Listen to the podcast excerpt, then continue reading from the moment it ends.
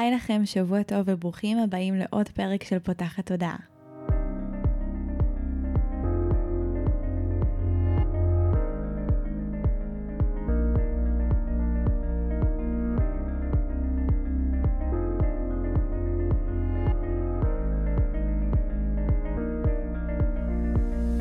אני עוד מעט בת 27, ורק לפני בערך כמה חודשים שמעתי לראשונה שבתכלס אנחנו יכולות להיכנס להיריון רק שבוע אחד בחודש.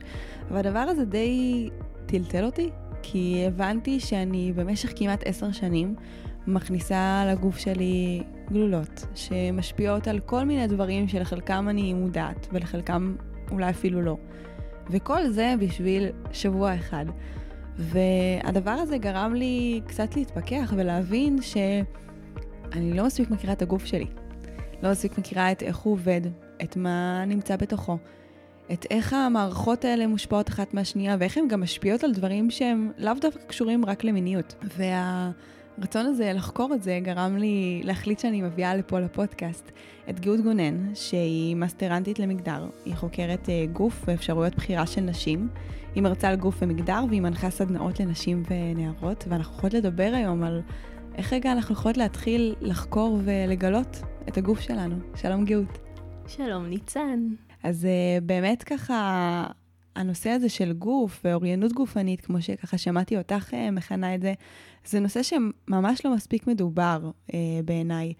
וזה יוצר חיים כאלה שאני חושבת שאנחנו קצת מנותקים מהגוף שלנו. שימי לב לסמנטיקה שהשתמשת בה, ניתוק מהגוף. שימי לב שאנחנו גם נוטות לדבר על הגוף כעל הגוף שלי. אבל לדוגמה, כשאני מדברת על בחירות שלי, על דברים שאני עושה, אני אומרת, אני, עצמי.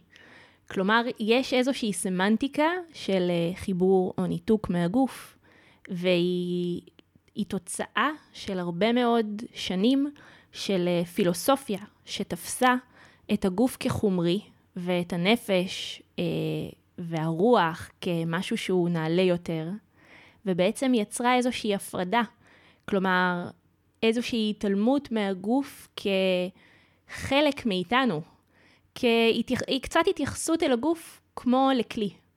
ואם אנחנו מוסיפות על זה את הרפואה המערבית, מה שעומד במרכזה הוא בעצם גוף האדם. כלומר, הגוף הופך להיות סוג של אובייקט עבור הרפואה. אז אמנם הרפואה זה דבר נהדר, והיא שם בשביל לטפל בגוף, אבל התוצאה היא שאנחנו כבר הרבה מאוד שנים כחברה תופסות את שני הדברים האלה כ... כשניים נפרדים, כשבעצם התפיסות בימינו הן שאנחנו שלם שמורכב מגוף ומנפש, ושניהם בעצם מרכיבים את מי שאנחנו. זה ממש חזק מה שאת אומרת, כי זה משהו שאנחנו עושות אפילו לא במודע, עוד מעבר לסמנטיקה שאני בחרתי בה של ניתוק מהגוף, שזה משהו שאני כנראה רגילה גם להגיד מתוך כל מיני דברים שאני עוברת, מעבירה, אבל זה באמת איזשהו שיח שיוצר את ההפרדה הזו ומסתכל על זה כשתי ישויות, שאני מניחה שמעבר גם לזה שאנחנו מתייחסות אליהם ככה ברמת השיח, זה גם מוביל לאיזשהן התנהגויות פנימיות שאנחנו לא תמיד מודעות אליהן, שיוצרות את הנפרדות הזו. נכון. זה בעצם, זה בדיוק זה. כלומר, כשאנחנו תופסות את עצמנו, את ה... נקרא לזה נפש, או את התודעה שלנו כדבר אחד, והגוף שלנו הוא אחר, עוד פעם, שימי לב, אני אומרת הגוף שלי, הגוף שלנו, זה בדיוק הדבר הזה, שמייצר התייחסות אל הגוף קצת כאילו אין לו משהו לתרום אל לנפש או לתודעה שלי. בעצם, כמו שאת אמרת, רק בגיל כמעט 27? נכון. גילית שיש רק חמישה, שישה, שבעה ימים בחודש שבהם את יכולה להיכנס להיריון. בואי שתסבירי לנו גם קצת על זה, כי אני אמנם קצת שמעתי על זה, אבל אני לא איזה מומחית לזה, ויכול להיות שיש נשים שמאזינות לנו שזה פעם ראשונה שגם הן שומעות את זה. בשמחה. אז uh, נדבר אולי רגע על מה האיברים שיושבים לנו באגן, ועל איך הם עובדים, מה התפקידים שלהם. Mm-hmm. אז uh, נתחיל מזה שבמרכז האגן בעצם יש לנו את הרחם, uh, שכידוע לכולן אחראית על ההיריון, אבל אה, לא רק, אולי אחרי זה נגיע לזה בעצם, נדבר גם על ההסתכלות ההוליסטית על האיברים שלנו. אבל בעצם אברי הרבייה שלנו בנויים, מורכבים מהרחם, מהשחלות והחצוצרות, מצוואר הרחם והנרתיק. ובעצם אה, האופן שבו הם עובדים זה שכל חודש השחלות שלנו מכינות ביצית אחת שתפרוץ החוצה מהשחלה אל החצוצרה, ובתקווה תופרה על ידי זרע. במקביל לזה, מה שקורה זה שהרחם מייצרת רירית. הרחם זו, היא בעצם שריר. אני בכוונה מתייחסת אל הרחם לא כאל זכר, רציתי אלא... לשאול אותך על זה. כן, אז uh, אני עוד לא פגשתי רחם, uh, זכרית? כן. um, ומורה יקרה שלי שלמדתי ממנה המון, שקוראים לה עינת לב, לימדה אותי שלרחם יש uh, אנרגיה שממש מזכירה משהו שבין ילדה קטנה לבין אישה זקנה וחכמה. ומאז אני ממש מתייחסת אליה ככה. Um, בעצם לא פגשתי עדיין רחם זכרית, ולכן אני מתעקשת לקרוא לה בלשון. נקבה. בקיצור, אז הרחם שלנו, הרחם שלנו מייצרת רירית רחם, שהיא כמו מין קרקע נעימה לביצית מופרית להשתרש בתוכה. והאופן שבו זה עובד זה שבתחילת המחזור שלנו, היום הראשון למחזור שלנו, זה בעצם היום שבו הרירית מתפרקת. זו הווסת שלנו. ואחרי כמה ימים, כשהרירית מסיימת להתפרק, מתחיל, מתחילה מחדש בנייה של הרירית. במקביל לזה, השחלה שלנו מתחילה להכין כמה ביציות, שבסוף רק אחת מהן תבשיל. והביוץ הוא בעצם הרגע הזה שבו ביצית פורצת מהשחלה אל החצוצרה, ומחכה שם לזרע שיפרה אותה.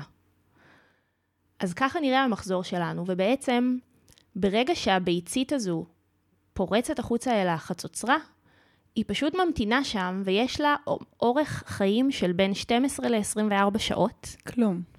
ואם היא לא תופרה בזמן הזה, היא פשוט תיספג במקום שבו היא נמצאת. אז למה בעצם יש שבוע שלם שבו כמעט אפשר להיכנס להיריון? כי עוד דבר שקורה, וזו המערכת ההורמונלית המאוד חכמה שלנו, זה שבשליטת האסטרוגן, בעצם החלק הראשון של המחזור שלנו, נשלט על ידי אסטרוגן. יש לנו כמויות גדולות של אסטרוגן בגוף, והוא מופרש, אה, הן הולכות וגדלות עד רגע הביוץ, ובעצם הן עושות כמה דברים. הראשון, כמו שאמרתי, הן מכינות את הביציות. השני זה שהן בונות רירית רחם, בעצם את הקרקע הפוריה הזו בשביל ביצית לחיות בתוכה, ביצית מופרית. והדבר השלישי שהן עושות זה שהן את נוזל צוואר הרחם שלנו, הן הופכות אותו גם לחומר שמזין זרע.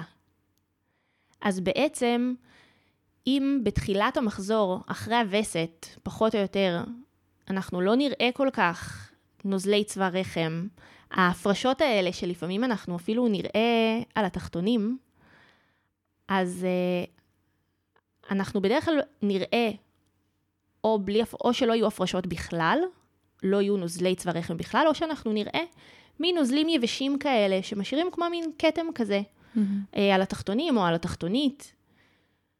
לאורך המחזור שלנו, ככל שאנחנו מתקרבות אל הביוץ, בעצם הנוזלים האלה הופכים להיות יותר ויותר נוזליים, והם הופכים להיות חומר בסיסי שמזין נוזל זרע, מזין את, הז... את הזרעים עצמם.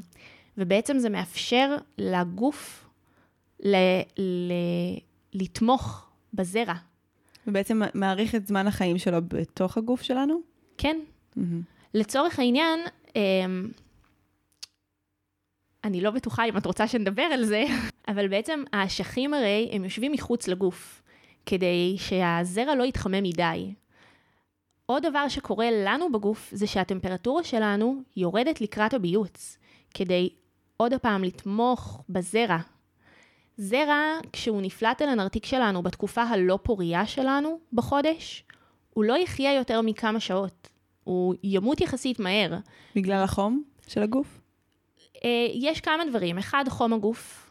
שתיים, אין שום דבר שמזין אותו. בעצם הזרעים, הזרעונים, הם נמצאים בתוך נוזל הזרע, והנוזל הזה מזין אותם. ברגע שהוא מתפרק ומתפרק ומתפרק, אין להם יותר שום דבר שמזין אותם. בימים הפוריים שלנו, נוזל, נוזלי צוואר הרחם שלנו הם מה שמזין אותו, במקום נוזל הזרע, את, את אותם זירונים, זה מה שמזין אותם. ולעומת זאת, בימים הלא פוריים שלנו, גם נוזלי צוואר הרחם הם חומציים, וגם סביבת הנרתיק היא יחסית חומצית, ובעצם הם לא מהווים קרקע פוריה בשביל זירעונים לחיות. יש לי כמה שאלות שכזה עלו לי מזה. קודם כל, ברמה של uh, ההפרשות האלה שדיברת, זאת אומרת שבימים הפוריים אנחנו נראה יותר נוזלי צוואר רחם בתחתון או בתחתונית, או פחות? לרוב אנחנו נראה יותר, אבל זה כל כך אינדיבידואלי, ואני מכירה גם נשים שלא חוות יותר נוזלים. גם זה מאוד תלוי בכל כך הרבה דברים, זה תלוי בתזונה שלנו ובכמה אנחנו שותות. אפילו אני על עצמי, יש חודשים שאני אראה המון נוזלים, ויש חודשים שיהיו מעט, או בכלל לא. Mm-hmm. אבל uh, מי שממש עוקבת, תשים לב לעוד דברים שקורים. יש הרבה יותר תחושת פתיחות בנרתיק, ולפעמים יש תחושת לחות גם אם אנחנו לא ממש רואות את הנוזלים. איך אפשר להבדיל באמת בין הלחות הזו לבין אולי עוררות מינית מסוימת שקיימת שם? אז uh, זה ממש נוזלים שונים באופי שלהם. בעצם נוזלי הסיכוך שמופרשים בנרתיק שלנו בזמן עוררות מינית, אם ניגע בהם, אנחנו ממש נרגיש את התחושה הזאת, המסככת, הקצת... אה, קצת אה, שומנית או קרמית, משהו כזה שלא מיד נספג. Mm-hmm. נוזלי צוואר פוריים, יש בהם משהו הרבה יותר נוזלי. נוזלי צוואר רחם פוריים. יש בהם את, ה, את התחושת נוזל הזאת, הם פשוט שונים. זה, זה מצריך התבוננות, כי גם כל אישה שונה, ואישה אחת תרגיש משהו אחד, ואחרת תרגיש משהו אחר. זה... בגדול, אלה הדברים, אבל זה באמת שונה. אוקיי, okay. אז באמת דיברנו על התהליך הזה שקורה, וככה הזרע יכול להישאר לאורך זמן. נחזור לאיפה שעצרתי אותך עם כל השאלות. אז זה בעצם איך שהמערכת הרבייה שלנו עובדת. אמ, אולי רגע נחזור לרגע הזה של הביוץ, בעצם דיברנו על ה... אולי אני אמשיך מהנוזלים. Mm-hmm. אז דיברנו על זה שהנוזלים הופכים לפוריים, הופכים למזינים את הזרע, הופכים לממש אה, מימיים ובסיסיים. ובעצם, אחרי הביוץ, מה שאנחנו נראה זה שהם חוזרים להיות יבשים שוב, הם חוזרים להיות מין משהו דביקי, סמיך, וגם לרוב הכמות שלהם פוחתת.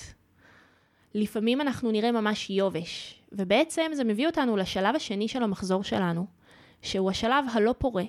הוא נשלט על ידי פרוגסטרון, שאפרופו גלולות, הגלולות שלנו מכילות מינון יחסית גבוה של פרוגסטרון, לעומת מינון מאוד נמוך של אסטרוגן. Mm-hmm. בעצם הן מייצרות מצב שקצת מזכיר את החלק השני של המחזור שלנו, שבעצם בו אנחנו כבר לא פוריות. אם את מחלקת את זה לזמנים, רגע, לעשות סדר מבחינת כמה ימים או שבועות נמשך כל חלק. אז נתחיל מזה שאין אפשרות לעשות את זה באמת, כי בעצם כל אישה משתנה, אה, לאורך המחזורים שלה, ואנחנו נראה שינויים בין מחזור למחזור, וגם יש שוני מאוד גדול בין אישה לאישה. אני כן יכולה להגיד שאם אני לוקחת את היום הראשון לווסת ומחסירה ממנו בין, אני נותנת עכשיו בכוונה טווח אה, מאוד אה, רחב, אבל בין 9 ל-18 ימים, אני אמצא בערך את הימים הפוריים שלי. עכשיו, אני נתתי באמת טווח מאוד מאוד גדול. אולי דרך נוספת להסביר את זה, זה להגיד שאנחנו בדרך כלל, אולי אני אתחיל ממקום אחר, אנחנו רגילות לחשוב על המחזור שלנו במובנים של 28 יום. נכון. למה זה? כי ככה לימדו אותנו, כשאמרו לנו, אוקיי, הווסת מגיעה, בין וסת לווסת, אמרו שיש טווח 21 עד 42 יום, אבל 28 זה כאילו הנורמה, התקין, הרווח. נכון, עכשיו, בעצם אין לזה באמת בסיס. אני מכירה מעט מאוד נשים שבאמת אורך המחזור שלהן נמשך 28 ימים. לרוב אנחנו נראה באמת טווח מאוד רחב, ולרוב אנחנו גם נראה איזושהי השתנות ממחזור למחזור. נניח מישהי שהטווח שלה הוא בין 26 אה, ל-29 ימים, מישהי שהטווח שלה הוא בין 32 ל-35 ימים. כך או כך זה תקין. אנחנו עוד נראה שבעצם החלק השני של המחזור שלנו, החלק שנשלט על ידי הפרוגסטרון ובו אנחנו לא פורות, ובעצם בשלב הזה עוד דבר שאנחנו רואות זה שהטמפרטורה עולה, והגוף כמו מין מנסה, להכין, מנסה להחזיק הריון, אם באמת הייתה הפריה של ביצית, אז הגוף עכשיו רוצה לשמור עליה, ולהכין קרקע חמה ונעימה, אמ, ולייצר עבורה מקום בטוח, ולייצר הריון. אז בעצם השלב הזה הוא כמעט תמיד קבוע. כלומר, הוא יכול לנוע בין 9 ל-18 ימים, זה מה שנהוג להגיד היום. לפני כמה שנים למשל לימדו אותי שזה בין 10 ל-16 יום. אז גם פה אנחנו בעצם רואות את ההשתנות ואת ההתחדשות וכמה מחקרים משפיעים על הדברים האלה, אבל בעצם זה חלק שהוא קבוע, כלומר אישה שעוקבת אחרי המחזורים שלה כמעט תמיד תראה שהחלק השני של המחזור שלה הוא נע סביב אותו אורך של ימים, נניח אה, עשרה ימים פלוס מינוס יום. כמעט לא נראה מישהי שהחלק השני של המחזור שלה הוא פעם אחת 12 יום ופעם אחת 16 יום. אנחנו כן נראה 12 יום, 13 יום, 11 יום, ככה. לעומת זאת, החלק הראשון של המחזור שלנו, בעצם השלב שבו אנחנו פורות, פוריות, זה שלב שמשתנה כי הוא גם מאוד אה, מושפע מדברים אחרים שקורים לנו. למשל, אם עכשיו עובר עליי חודש מאוד מאוד לחוץ, הורמון קורטיזול מופרש בכמויות. זה משפיע גם על הגוף שלי והאם הוא יבייץ בזמן ה... נקרא לזה רגיל שלו. נניח אם בדרך כלל אני מבייצת סביב היום ה-16 בחודש.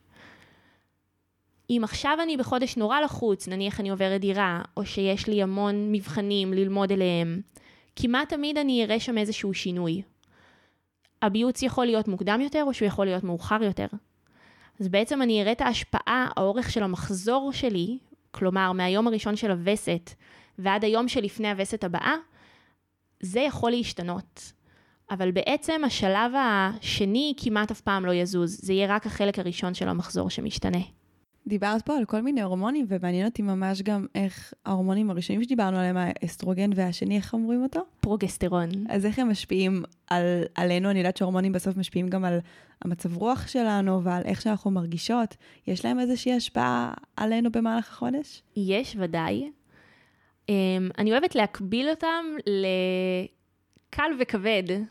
האסטרוגן, יש בו משהו מאוד קליל, והרבה נשים ש, שלא משתמשות באמצעי מניעה הורמונליים וינסו לשים לב בעצם למה קורה להן לאורך המחזור שלהן, הן ישימו לב שבהשפעת האסטרוגן הן הרבה יותר קלילות ונעימות וכיף להן, והן מרגישות טוב עם עצמן, והן מרגישות לפעמים ממש על גג העולם ושהן יכולות הכל. זה בחלק שעד הווסת.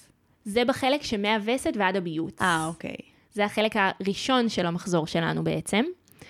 אה, ושם אנחנו הרבה יותר קלילות, הרבה יותר שמחות. יש אה, ממש הרי הקבלה לעונות השנה. יש כל מיני דרכים להקביל. אני מצאתי שרוב הנשים מקבילות את אה, שלב הביוץ שלהן, את השלב הפורה שלהן בחודש, לעונה האהובה אליהן. ולכן אני לא כל כך מקבילה בעצמי את ה... חורף וקיץ. זה, יש, נהוג להקביל את הווסת לחורף, אמ, את השלב הפורה שלנו לקראת הביוץ לאביב, את השלב של הביוץ לקיץ, זה גם השלב שבו בעצם הטמפרטורה שלנו, מיד אחרי הביוץ הטמפרטורה שלנו עולה, ואז את השלב שבין הביוץ לבין הווסת הבאה כסתיו. אבל אני מוצאת שכמעט כל אישה מקבילה את השלב הפורה שלה, את השלב של הביוץ, לעונה האהובה עליה. וגם מצאתי נשים שזה חורף, והקבילו את הביוץ שלהן לחורף. אז אה, אני פחות עושה את ההקבלה הזאת, אבל אני כן רואה ש...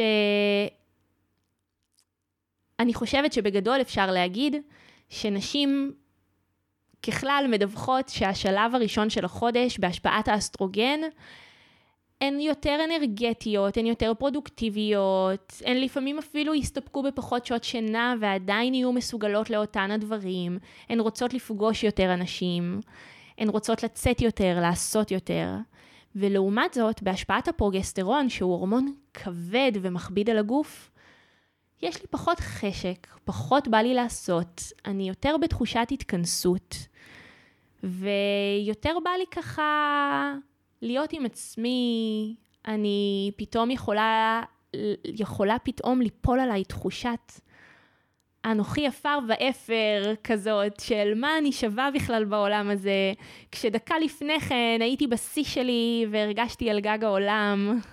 אני מרגישה שזה סופר חשוב שאנחנו מדברות על זה, כי זה קורה לכולנו, ולפעמים אנחנו פשוט שופטות את זה כי לא מאוזנת, יש לי מלא ups and downs, אני, משהו רגשי אצלי עובד לטוב, וחשוב ממש להבין שזה ההורמונים האלה מייצרים בעצם את כל הדברים האלה. זה נכון, ויש לזה גם בעיניי, אה, חוץ מההבנה והיכולת לראות את עצמי בתוך המחזוריות שלי, תחשבי איזו מתנה זו לחיים שלנו, שאנחנו יכולות בכל חודש וחודש להיות על גג העולם, ואחר כך גם שנייה אחת להיות בענווה ובחמלה לעצמנו ובהתכנסות פנימה ולשאול את עצמי, האם הכל נכון לי? האם הכל במקום כרגע? האם טוב לי במקום שאני נמצאת בו, או שיש שינויים שאני צריכה לעשות? ואנחנו נראה הרבה פעמים נשים מגיעות אל הווסת שלהן, ופתאום הסימונים נופלים. ופתאום מגיעות אליהן כל מיני תובנות. ואז מגיעה עוד הפעם התקופה הזו של אני על גג העולם, וטוב לי וכיף לי, ואני יכולה באמת לשנות ולעשות דברים בהתאם לאותם הסימונים שנפלו לי. וחוזר חלילה. זה מדהים, אני חושבת שגם כשאנחנו יודעות את זה, יש לנו יכולת גם להיות יותר בחמלה כשאנחנו בדאון, נקרא לזה ככה, וגם אה, אפילו לדעת אה, לעבוד עם האנרגיה הזו. ממש שזה ככה. שזה נושא מרתק. תפס אותי שאמרת מקודם, שהבנות שישימו לב לזה, זה אלה שהן לא לוקחות גלולות, או אמצעי מיני הורמונליים אחרים. ובא לי שבאמת קצת נדבר על זה, על מה ההשפעה בעצם על כל מה שתיארת עכשיו, במידה ואני לוקחת גלולות, או אמצעי מיני הורמונלי אחר. הדור הראשון של הגלולות היה מורכב רק מפרוגסטרון. אנחנו גם היום רואות גלולות כאלה, כי נשים מניקות משתמשות בגלולות שיש לה, שמכילות פרוגסטרון בלבד, בלי אסטרוגן. הסיבה היא שאסטרוגן מופרש דרך חלב אם. הגלולות, הדור החדש שלהן, מה שמשתמשות בו היום, וזה גם מה שבעצם אנחנו נראה במדבקות או בטבעת הווגינלית, בעצם מכילות גם מינון נמוך מאוד של אה, אסטרוגן. המטרה של זה היא כן לשמור, בעצם אסטרוגן מאוד חשוב לנו ללחות של הנרתיק, לסיכוך שלו. וכשאנחנו, כשאין אסטרוגן בכלל בגוף, אנחנו לרוב נראה יובש נרתיקי. אז בעצם הגלולות מכילות מינון גבוה יותר של פרוגסטרון ומינון נמוך מאוד של אסטרוגן, וזה בעצם קצת כמו להיות כל הזמן בשלב הלא פורה של החודש, כלומר בשלב השני שלו, שהפרוגסטרון גבוה בגוף והאסטרוגן מאוד נמוך. הרבה פעמים השלב הזה גם מאופיין בזה שאנחנו מכונסות יותר, אנחנו פחות רוצות לצאת ולפגוש, אנחנו יותר כבדות, אנחנו עם פחות חשק מיני. ולפעמים זה גם מה שאנחנו רואות עם הגלולות. לא בהכרח, כי בסוף המינו, המינונים הם עדיין מאוד נמוכים, ועדיין, מי שחווה כל מיני דברים כאלה, שווה לבדוק האם הגלולות משפיעות עליי בצורה טובה, או שכדאי לי לנסות משהו אחר. אני חלילה לא רוצה להגיד בשום אופן שגלולות הן דבר רע, כי הן לא. הן בהחלט יכולות להיות הפתרון להרבה מאוד נשים, אבל יש נשים שזה לא הפתרון הנכון עבורן. ואם אני במודעות למה שקורה לי בגוף, אז אני יכולה גם לשים לב לדברים האלה ולנסות לחקור האם אולי מה שקורה לי עכשיו הוא תוצאה של שימוש בגלולות? האם אולי סוג אחר יהיה לי יותר טוב? יש דרך שאפשר להבדיל, למשל, אני יכולה להגיד עליי שלקחתי כמעט עשר שנים רצוף, אז זה קצת כזה, אני מכירה את עצמי אם, אני לא בהכרח יודעת מה אני בלי, כי בפעם האחרונה שהייתי בלי, הייתי, לא יודעת, בת 17 בערך, אז זה, זה גם, היה לי הרבה, היו לי הרבה שאלות כאלה של איך זה השפיע עליי, או, או גם שאלות של איך המחזור שלי היה לפני זה, כאילו, למה אני בכלל מתכוננת עכשיו כשאני מפסיקה גלולות, איזה סוג של וסת אני הולכת, זה, וסת זה המונח הנכון, איזה סוג של וסת אני בכלל הולכת לפגוש. ווואלה, לא זכרתי, כי עבר כל כך הרבה שנים, אז יש לך איזשהו טיפ או איך נכון לעשות את זה? אז קודם כל, חשוב לי להגיד שאת לא לבד, גם אני לקחתי עשר שנים גלולות מגיל 18 עד גיל 28, וגם אני הייתי בדיוק באותה סיטואציה שבה בעצם אני בכלל לא מכירה את הגוף שלי. אני לא יודעת איזה מחזורים הולכים להיות לי, ואני לא יודעת איך תיראה הווסת, אין לי מושג. הסיבה שהגעתי לזה זה כי באמת קרו לי כל מיני דברים בגוף, ולאט לאט התחלתי להבין שזה הגלולות שגורמות להם. זו הייתה הסיבה שבכלל הפסקתי עם הגלולות מלכתחילה. וזה מה ששלח אותי לחקירה העמוקה הזאת של בעצם איך אני הולכת עכשיו להכיר את הגוף שלי. הדבר הכי חשוב שאני נותנת לנשים, כשהן רק מתחילות לבחון את המקום הזה של אוקיי, מה זה הגוף הזה, מה אני עושה איתו, אני, אני אומרת שני דברים. הדבר הראשון הוא להתייחס לדברים שקורים לי בגוף כמו למחשבות. כמו שאני יוצאת עכשיו נניח מחברה, ויש לי איזו תחושה לא נעימה כזאת, כאילו אולי היא אמרה איזה משהו שככה קצת אה, זרה לי מלח אולי על איזה פצע ולא שמתי לב בדיוק. נכון, אני אחרי זה נשארת עם המחשבה הזאת בראש הרבה זמן, עד שאני מפענחת מה קרה שם וזה מתיישב, ורק אז אני ממשיכה הלאה בחיים. ממש על אותו עיקרון, אם עכשיו משהו מציק לי בגוף, אני מתייחסת לזה כמו למחשבה שעברה לי בראש, ממש באותה הדרך. אני לא מניחה לזה עד שאני מבינה מה הגוף מנסה להגיד לי. למה לא נעים לי? מה, מה קורה שם? זה הדבר הראשון. יש שאלות שאני יכולה לשאול את עצמי שיכולות לענות לי על התשובה? כי בסוף אני מנסה רגע להסתכל מעיניים של מישהי ש... למשל, אף פעם לא חקרה את הגוף שלה, או מרגישה את הנפרדות הזו.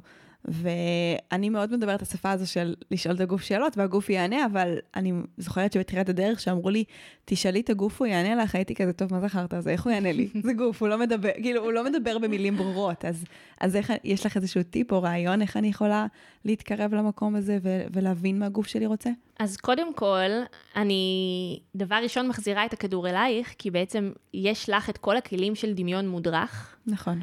ודמיון מודרך בעיניי זה אחד הכלים המדהימים לשיח עם הגוף. אם את לא מתביישת, לעשות את זה עם חברה.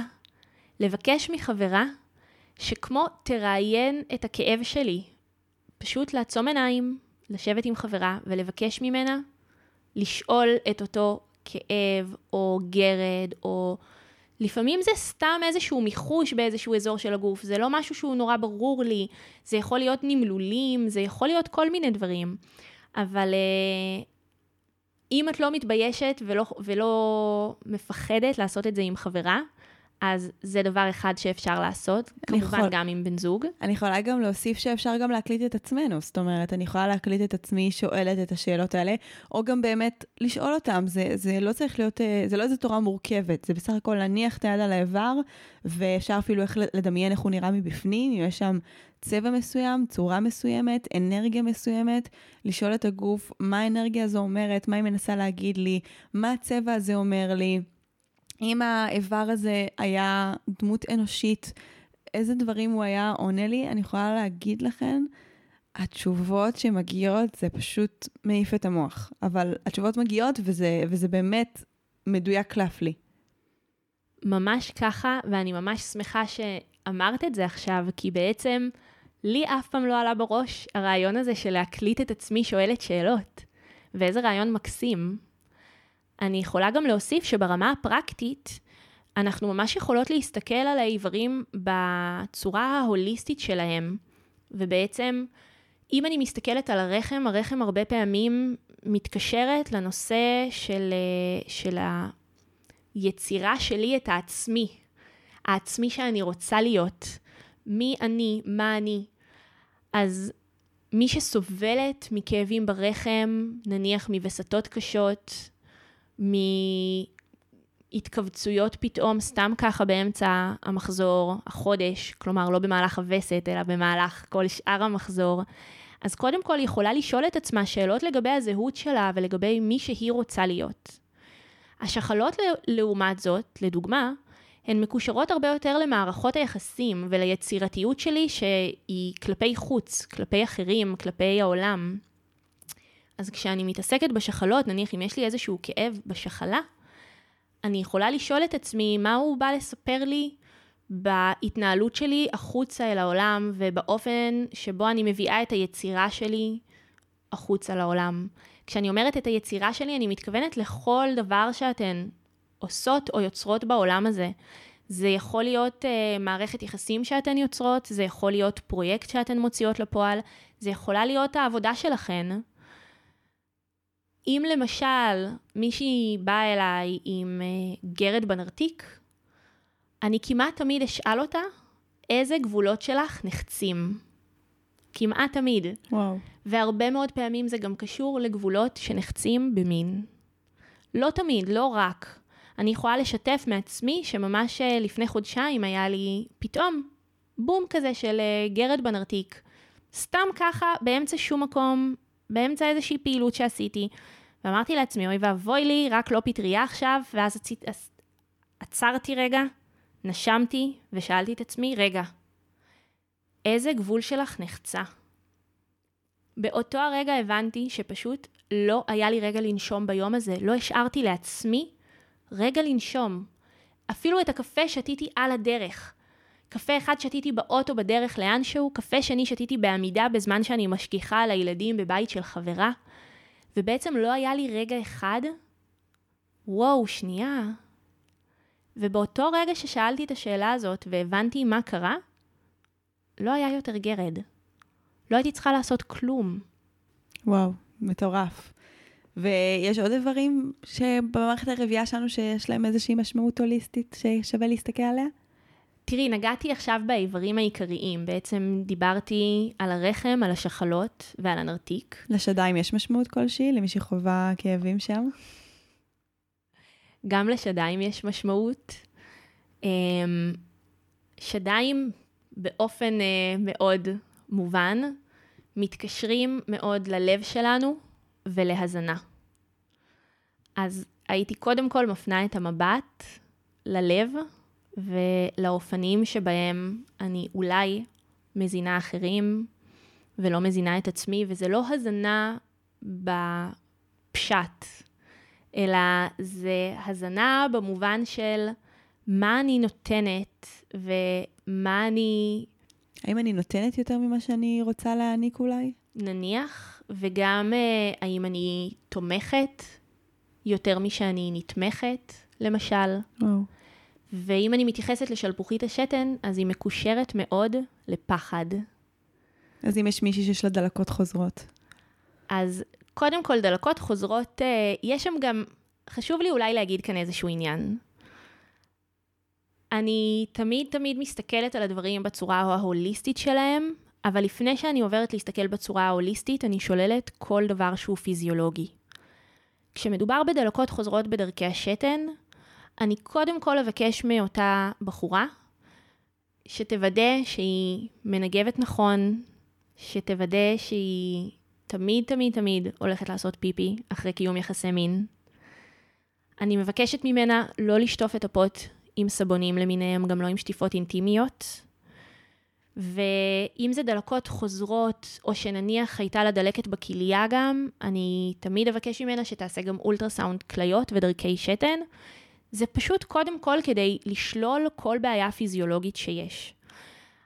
הרבה פעמים דלקות בדרכי השתן יהיו פשוט מאיזשהו משהו כזה, אבל אם מישהי מטפלת ועושה את כל הדברים האלה והדלקות ממשיכות לחזור, אני אשאל אותה על הפחדים שלה, אני אשאל אותה ממה היא מפחדת, איזה פחד הוא מאוד מהותי בחיים שלה. אני גם מבקש ממנה לראות מתי מופיעות הדלקות, ולראות האם זה קשור לפחד מסוים. אז בעצם הכל קשור אחד לשני בתוכנו. לגמרי.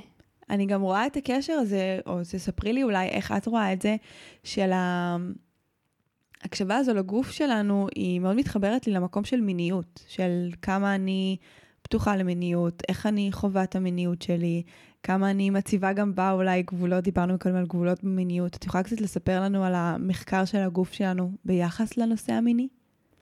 בהחלט, אז ממש כמו שאני הרגע דיברתי על איך אני יכולה להקשיב לאיברים מסוימים ולתחושות בגוף, ככה אני יכולה גם להקשיב לגוף שלי בזמן שאני נמצאת בתוך סיטואציה מינית. למעשה, כמו שאנחנו הרבה פעמים לא מקשיבות לגוף, בהרבה מאוד מקומות אחרים בחיים שלנו, גם במין הרבה פעמים אנחנו מוצאות את עצמנו בתוך הסיטואציה ובלי קשב למה שקורה לנו בגוף. לדוגמה, הרבה מאוד נשים ואנשים שיהיו בתוך סיטואציה מינית, והבחורה לא תהיה רטובה מספיק. ממש, אפילו ינסו לקיים חדירה, והאישה יבשה ולא נפתחת. ובמקום לשאול את הגוף, מה קורה כאן? מה הם יעשו? ישימו חומר סיכה כלשהו. בדיוק. כשבעצם אני יכולה ממש כשאני בתוך הסיטואציה הזאת לשאול את עצמי, רגע, מה קורה פה? אני כן יכולה להגיד שכמעט תמיד, אם את נמצאת בסיטואציה כזאת, ואת רוצה להיות בה, באמת רוצה להיות בה, וטוב לך שם, יכול להיות שאת פשוט צריכה עוד זמן. אנחנו נוטות לקרוא הרי ל... יש את השם הזה, המשחק המקדים. שום סיבה בעולם שזה יהיה המצב, מי אמר שמין זה רק חדירה? כלומר, כל המשחק הזה הוא לא מקדים, הוא חלק מהמין שלנו, ולפעמים לנשים פשוט אין מספיק ממנו. לפעמים נשים פשוט מגיעות מהר מדי לשלב של החדירה בלי שהגוף באמת מוכן, והגוף בעיניי הוא, עוד פעם, זה חלק משלם אחד גדול, כלומר, הרבה פעמים גם הנפש עוד לא מוכנה. יש משהו במקום הזה שמבקש מאיתנו רגע להיות בקשב לכל מה שקורה לנו. זה אחלה מקום לעצור רגע ולשאול את עצמי, אני מוכנה עכשיו? אולי אני צריכה עוד רגע? אולי נמשיך עוד קצת את המשחקים והמזמוזים לפני שאנחנו מתקדמים הלאה? ואני חושבת שכשנשים מצליחות להיות במקום הזה שהן עוצרות ולא ממשיכות ולא עושות נגד מה שהגוף כרגע אומר להן, זה המקום שבו דברים באמת נפתחים בפניהן. גם לפעמים אנחנו לא מבינות את המשמעות של לעשות את זה כשאנחנו לא רוצות. אני, יצא לי לדבר עם המון המון נשים על המקום הזה של הצבת גבולות במיניות, ואני אגיד עכשיו משהו והוא יהיה קצת אה, לא פשוט לעיכול, אבל תחשבו איזה השלכות יש לזה כשאתן אלה שמכריחות את עצמכן לקיים איזה שהם יחסים מיניים כשאתן לא רוצות, וזה בסדר גם לא לרצות לפעמים. וזה ממש להכריח את הגוף, אני לא אשתמש במילה מאוד ספציפית שכולנו שומעות אותה עכשיו בגוף, בראש שלנו, כי היא מאוד מפעילה טריגרים, אבל, אבל זה לא שונה מזה. אני בעצם מכריחה וכופה לגוף שלי לעשות מה שאני לא רוצה, וה...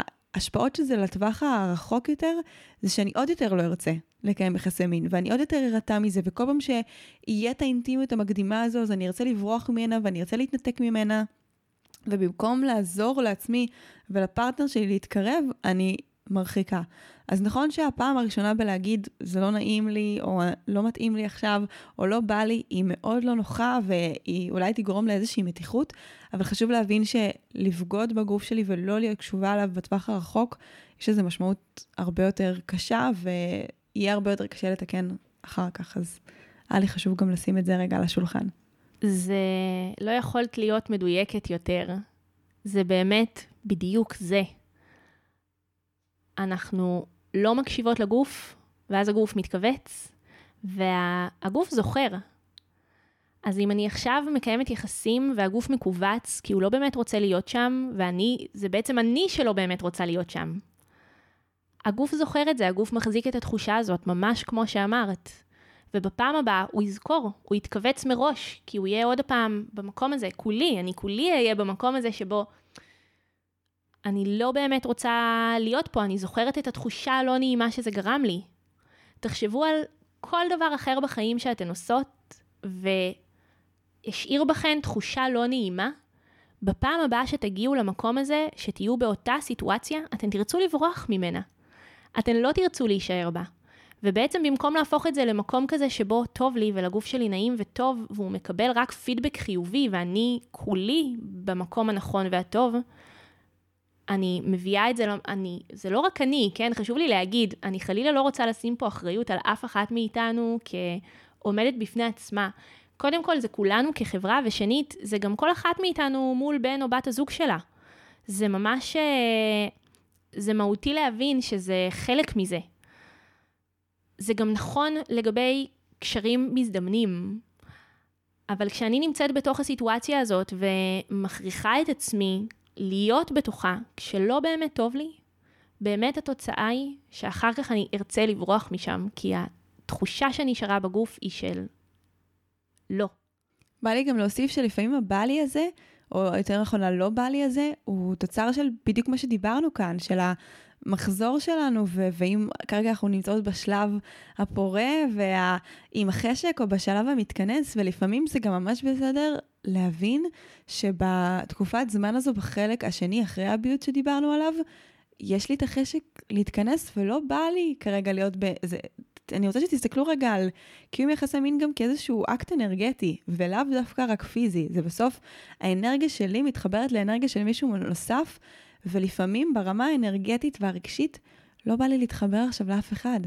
בא לי להיות אך ורק עטופה ומוכלת בתוך האנרגיה שלי, ואין בזה דבר פסול. זה לא אומר שאתם לא אוהבות את הפרטנר שלכם, ושהוא לא חשוב לכם, וגם יש גברים שמאזינים, שתדעו שזה לא נובע מזה שהאישה לא נמשכת או לא רוצה אתכם, זה פשוט נטו המקום הפנימי והאנרגטי הזה שמבקש לחזור פנימה ולהיות רגע עם עצמי.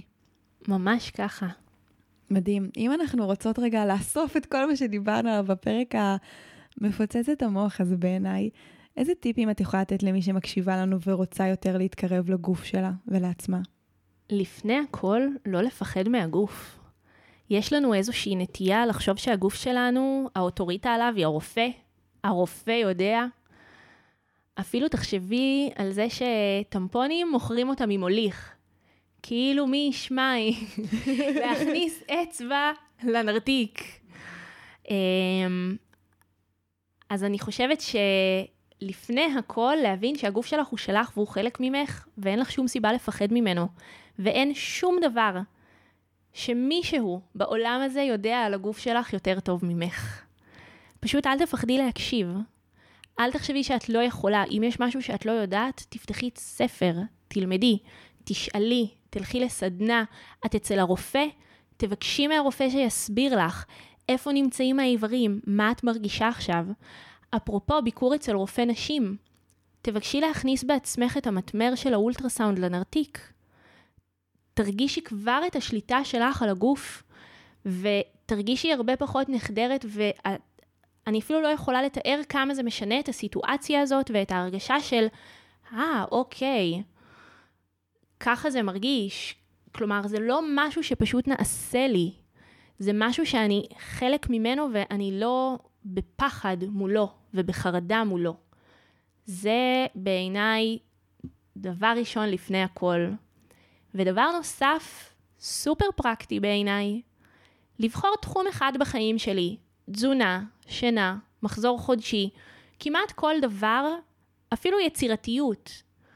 כמעט כל דבר שתבחרי, יהיה לך קל וטוב להתחיל ממנו, אבל תתחילי מלעקוב אחריו באופן יומיומי. תחום אחד בחיים, לא להתחיל ישר מהכל. נניח, לקחת תזונה. לא עכשיו בהכרח להסתכל על מה בדיוק אני אוכלת, זה לא מהמקום הזה של לשים לב לכמה אה, אני אוכלת וכאלה, זה ממש לא מהמקום הזה של דיאטות וכאלה, אלא להבין מה עושה לי טוב לגוף, לשים לב לאוכל שאני אוכלת, אני אפילו לא חייבת לבצע רישום של זה, רק לשים לב, להיות פשוט בתשומת לב לדבר הזה. אכלתי משהו ואחרי זה כאבה לי הבטן, לשים לעצמי איזושהי כוכבית בראש ולהגיד, היום אכלתי שניצל וכאבה לי אחרי זה הבטן. בפעם הבאה שאני אוכל שניצל, אם שוב תכאב לי הבטן, זה כבר יהיה מבחינתי איזושהי, איזושהי נורת אזהרה כזאת של אולי שניצל זה לא טוב לי. או נניח תפוחי אדמה. אני מכירה הרבה אנשים שגילו שתפוחי אדמה עושים להם כאבי בטן. סתם. אין מ... דרך לדעת את זה אם אתה לא מתבונן וחוקר. אם את לא מתבוננת וחוקרת, את באמת לא תדעי, ואת יכולה להתחיל מכל דבר הכי הכי קטן בחיים שלך, ולשים לב אליו. אם אני חוזרת נניח לתזונה, תשימי לב מתי את יותר רעבה, מתי את פחות רעבה. את יכולה גם ממש לשים לב לזה לאורך המחזור החודשי, לאורך כל החודש. את תשימי לב באיזה ימים את צריכה יותר אוכל, באיזה ימים את צריכה פחות אוכל, האם יש שעות. את יכולה להסתכל על הפרודוקטיביות שלך. ואת ממש יכולה להיעזר בזה אפילו לנהל את עצמך ולהתכונן מראש לימים שלך. זה בעיניי, אה, באמת, פרקטי וקל כמו שזה נשמע. לגמרי, ואז אני יכולה להסתכל גם בכל הימים איך הכל משפיע עליי וגם לדעת איך להתכונן לזה ולא להיות בבהלה כשזה מגיע, או בביקורת, או בשפיטה, כמו שדיברנו. ממש ככה, ואם אני חוזרת למה שאמרת על כמה אנחנו חושבות שאנחנו לא מאוזנות ואיך זה מפחיד, למשל, אם אני מכירה את עצמי ויודעת מתי הימים הפוריים שלי, ויודעת שאני עכשיו בשיא שלי ובטוב, אני למשל על עצמי למדתי ששלושה ימים אחרי הביוץ יש לי מין דעיכה אנרגטית כזאת מטורפת, אני במין דאון כזה רגשי מטורף, אמ, ודווקא לקראת הווסת אני יותר בטוב. מה שהרבה נשים, דווקא בימים שלפני הווסת, יש להן את התחושה הזאת של אני עפר ואפר, החיים נוראיים, מה אני עושה פה בכלל. בא לי גם להגיד שאנחנו בסוף חיים בעולם די מערבי, שבסוף אה, העולם לא מסונכרן עם הווסת שלנו ועם המחזור שלנו ועם מה שאנחנו חוות, וזה נכון שעדיין לפעמים צריך לקום לעבודה ולעשות אה, דברים, ו... לא תמיד ההתכנסות הזו מתאפשרת, אבל כן עצם המודעות לזה והבחירה להיות לזה בהקשבה היא כבר יכולה לעכל קודם כל את ההתנגדות שלי לדבר הזה, שכבר חצי מהקונפליקט נפתר כשההתנגדות שלי יורדת, וגם כן לראות איך אני יכולה לצאת יותר מוקדם בימים האלה מהעבודה, או לא לקבוע תוכניות עם חברות ואז להתאכזב שאני לא יוצאת כי לא בא לי לצאת. אז ההיכרות היא אמנם, היא, היא לא יכולה לפתור את הכל, כי כן יש את החיים שלנו, אבל היא יכולה מאוד מאוד לעזור ולתמוך בעיניי. מאוד מאוד מאוד, ואני תמיד אומרת את זה בהקשרים, כשנשים אה, מדברות איתי על התרוקנות מודעת בווסת, והן אומרות לי, אבל אני לא יכולה להיות בבית, אני לא זה, אני אומרת להן, נכון, אבל את לא צריכה להיות בבית בשביל לעשות את זה. ואת לא צריכה, כלומר, ברור שאנחנו חיות בתרבות המערבית, וברור שאנחנו יוצאות כל יום לעבודה. והנה, גם אני בווסת האחרונה שלי לא התרוקנתי כמעט בכלל, כי הייתי בתזוזה, הייתי חייבת להיות במקומות מסוימים. מה זה אומר לא התרוקנת בכלל? אה, לא, לא דיברנו פה על התרוקנות בכלל. אז בכמה מילים, אה. כי סקרנת. אוקיי, התרוקנות מודעת בווסת. בעצם, נכון, כשאנחנו מצוננות, אנחנו לא מקנחות את האף כשהנזלת כבר בחוץ, אנחנו מרגישות אותה מגיעה ואז אנחנו מקנחות, mm-hmm. נכון? נכון.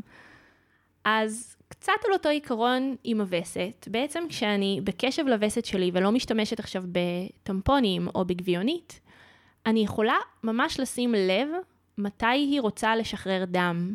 בעצם אנחנו בווסת לא כל הזמן מדממות.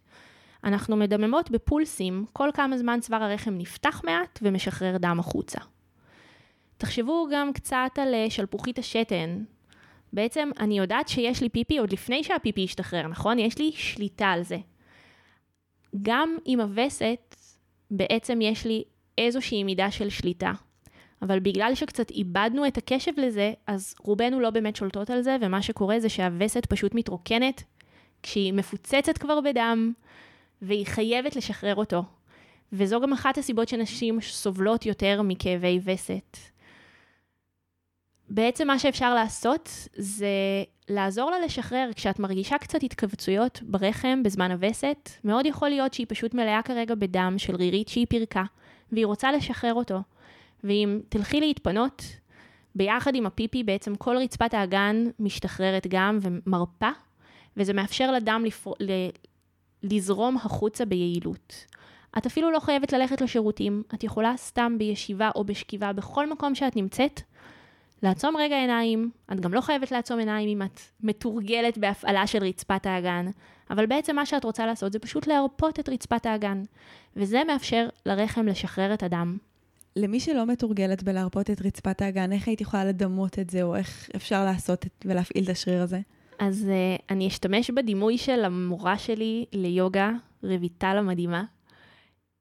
היא תמיד אומרת, תדמייני שיש לך עכשיו טמפון בנרתיק, ועכשיו את רוצה להרים אותו למעלה, או לחלופין, זה, זה לכווץ, להרים אותו למעלה, או לחלופין, דמייני שאת רוצה לשחרר אותו למטה. בעצם את רוצה להרפות. אפשר גם קצת לדמיין את התחושה של התאפקות לפיפי. נגיד, תדמייני שאת עכשיו צריכה להחזיק פיפי מאוד מאוד חזק, כי אחרת הוא יברח, לעומת התחושה ההפוכה כשאת הולכת לשירותים ורוצה לשחרר את הפיפי. אז אנחנו לא רוצות לשחרר את הפיפי, לא, בשירותים, אבל אנחנו יכולות בעצם לדמיין את, את אותה תחושת הרפייה ולהרפות ככה את רצפת האגן. ובעצם כשאני עושה את ההתרוקנות המודעת הזו, זה עוזר לי להקל גם על הכאבים? בוודאי, כי בעצם הרחם משחררת את הדם ביעילות. הרחם קצת כמו השלפוחית, נכון? השלפוחית אוגרת פיפי, ובדרך כלל אחרי שהיא נגיד שליש מלאה, היא מאותתת לנו, היי, hey, התחלתי להתמלא, אבל אני עדיין לא ממש צריכה ללכת לעשות פיפי. ונגיד כשהיא פחות או יותר חצי או שני שליש מלאה, אני כבר מתחילה להרגיש אותה ממש רוצה לעשות פיפי. ואם היא מאוד מאוד מלאה, היא כבר ממש לא נעימה לי, נכון? יש תחושה כזאת של אני חייבת חייבת פיפי, ואם אני לא אלך לעשות אז פיפי, היא גם תתחיל לכאוב, נכון? זה כי היא שריר.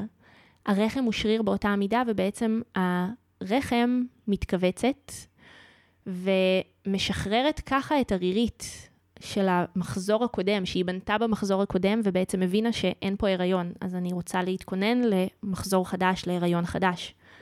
היא משחררת, משחררת, משחררת, נאגר דם בתוך הרחם, ומתישהו קשה לה כבר, היא רוצה לרוקן אותו ולהמשיך לפרק את הרירית. אז אם אני עוזרת לה ומרפה ועוזרת לה לשחרר את הדם הזה החוצה ממנה, אז עוד פעם יש לה מקום לפרק עוד רירית, להתמלא בעוד דם, וחוזר חלילה. אז בעצם דיברנו על התרבות המערבית שלנו ועל הקושי לשלב את שניהם, אז איך כל הדברים האלה משתלבים ביחד בעינייך, ואיך אנחנו יכולות להקל על עצמנו בתקופה הזאת? אני חושבת שאת דייקת את זה כל כך מקודם כשאמרת שעצם ההיכרות מאפשרת לי להתנהל אחרת ולהתאים את עצמי לימים שלי ולהתאים את הימים שלי אליי. כלומר, אם עכשיו אני יודעת שאני בווסת ויש לי יום נורא נורא קשה מחוץ לבית, אני לפחות אדע להזכיר לעצמי באופן מודע להרפות את רצפת האגן כדי לעזור לרחם להתרוקן. אפילו שאני לא יכולה עכשיו להתרוקן בשירותים, אפילו שאני לא יכולה עכשיו לנוח, עצם ההרפייה המודעת הזאת כבר תקל עליי מאוד את הכאבים. וכמובן שלהפך גם, אני יכולה לדעת שהיום לא היום, כי היום אני לא יכולה לתכנן את היום, אבל נניח אני יודעת שעוד כמה ימים הווסת שלי צפויה להגיע, אני יכולה לבקש יום עבודה מהבית. לחלופין, אני יכולה ללכת לעבודה ולזכור ללבוש משהו רפוי יותר, שיותר מאפשר לי תנועה, שפחות לוחץ לי על אזור האגן. אני יכולה גם אה, לתכנן את המשימות שלי בהתאם לאיך שאני מרגישה. כמו שאת הזכרת קודם, שמצבי הרוח שלנו משתנים, ואנחנו מרגישות לפעמים לא מאוזנות, כשבעצם זה בסך הכל המחזוריות הטבעית שלנו. אז נכון שאני לא יכולה עכשיו להחליט, טוב, אני לא עושה היום שום דבר, כי אני בווסת, אבל אני כן יכולה להגיד, טוב, היום אני אעשה משימות קצת יותר פשוטות. לכל אחת מאיתנו יש את המשימות האלה שהן לא דורשות מאיתנו המון, והן תמיד מעיקות עלינו, ולפעמים אלה בדיוק המשימות לעשות אותן, כשאין לי את הכוחות הנפשיים עכשיו להתמודד עם דברים גדולים. וגם לפעמים אולי כן לקחת את היום חופש הזה, לא יקרה שום דבר אם אנחנו נקדיש רגע יום אחד uh, לעצמנו. גאות גונן, היה לי מרתק ברמות, אני חושבת שזה פרק שהוא חובה לכל אישה. תודה לך שהגעת לכאן ושיתפת אותנו בידע המדהים הזה. תודה ניצן, היה לי כיף מאוד. אז אם אנחנו רוצות לסכם את הפרק הבאמת מדהים הזה, אז כמה דברים שאתם יכולות לקחת ממנו זה קודם כל לא לפחד מהגוף, להתקרב אליו, לחקור אותו ולהבין שהוא חלק מאיתנו ולא משהו שנפרד ממנו. דיברנו על לדבר עם הגוף שלנו ולשאול את עצמנו ואת הגוף מה הוא בא לספר לנו, מה הוא רוצה להגיד לנו, ודרך זה להתקרב ולהבין את הכאבים ואת המיחושים שלנו בצורה הרבה יותר טובה. דיברנו על לבחור דבר אחד בחיים שלנו שאנחנו רוצות לעקוב אחריו באופן יומיומי כדי ללמוד את המחזוריות שלו. זה יכול להיות התזונה, זה יכול להיות השינה, זה יכול להיות המחזוריות, הפרודוקטיביות, היצירתיות, מצבי הרוח, מה שתרצו. הלמידה הזאת תעזור לכם להבין את עצמכם בצורה הרבה יותר עמוקה ולהכיר את הגוף שלכם. ודיברנו על התרוקנות מודעת ועל היכולת באמת להיות קשובות לתהליך שקורה לנו בזמן הווסת. היה פרק מרתק, מקווה שנהניתם ממנו לפחות כמוני. אם אתם מרגישות שהוא תרם לכם, אני ממש אשמח שתשתפו אותו עם נשים נוספות, אפשר גם עם גברים נוספים, בן הזוג שלכם, או כל בן אדם שאתם חושבות שזה יכול להשאיר אותו ולתרום לו. זה יעזור לתוכן המדהים הזה להגיע לאנשים נוספים. את גאות, לא דיברנו על זה, תוכלו למצוא בעמוד האינסטגרם שלה, גאות גונן, אה, וגם אותי תוכלו למצוא בניצן אלפסי לבחור באור, להמשיך לשאול שאלות, להציף נושאים ולהמשיך את השיח שלנו כאן. אז תודה לכם שהקשבתם ונתראה בפרק הבא.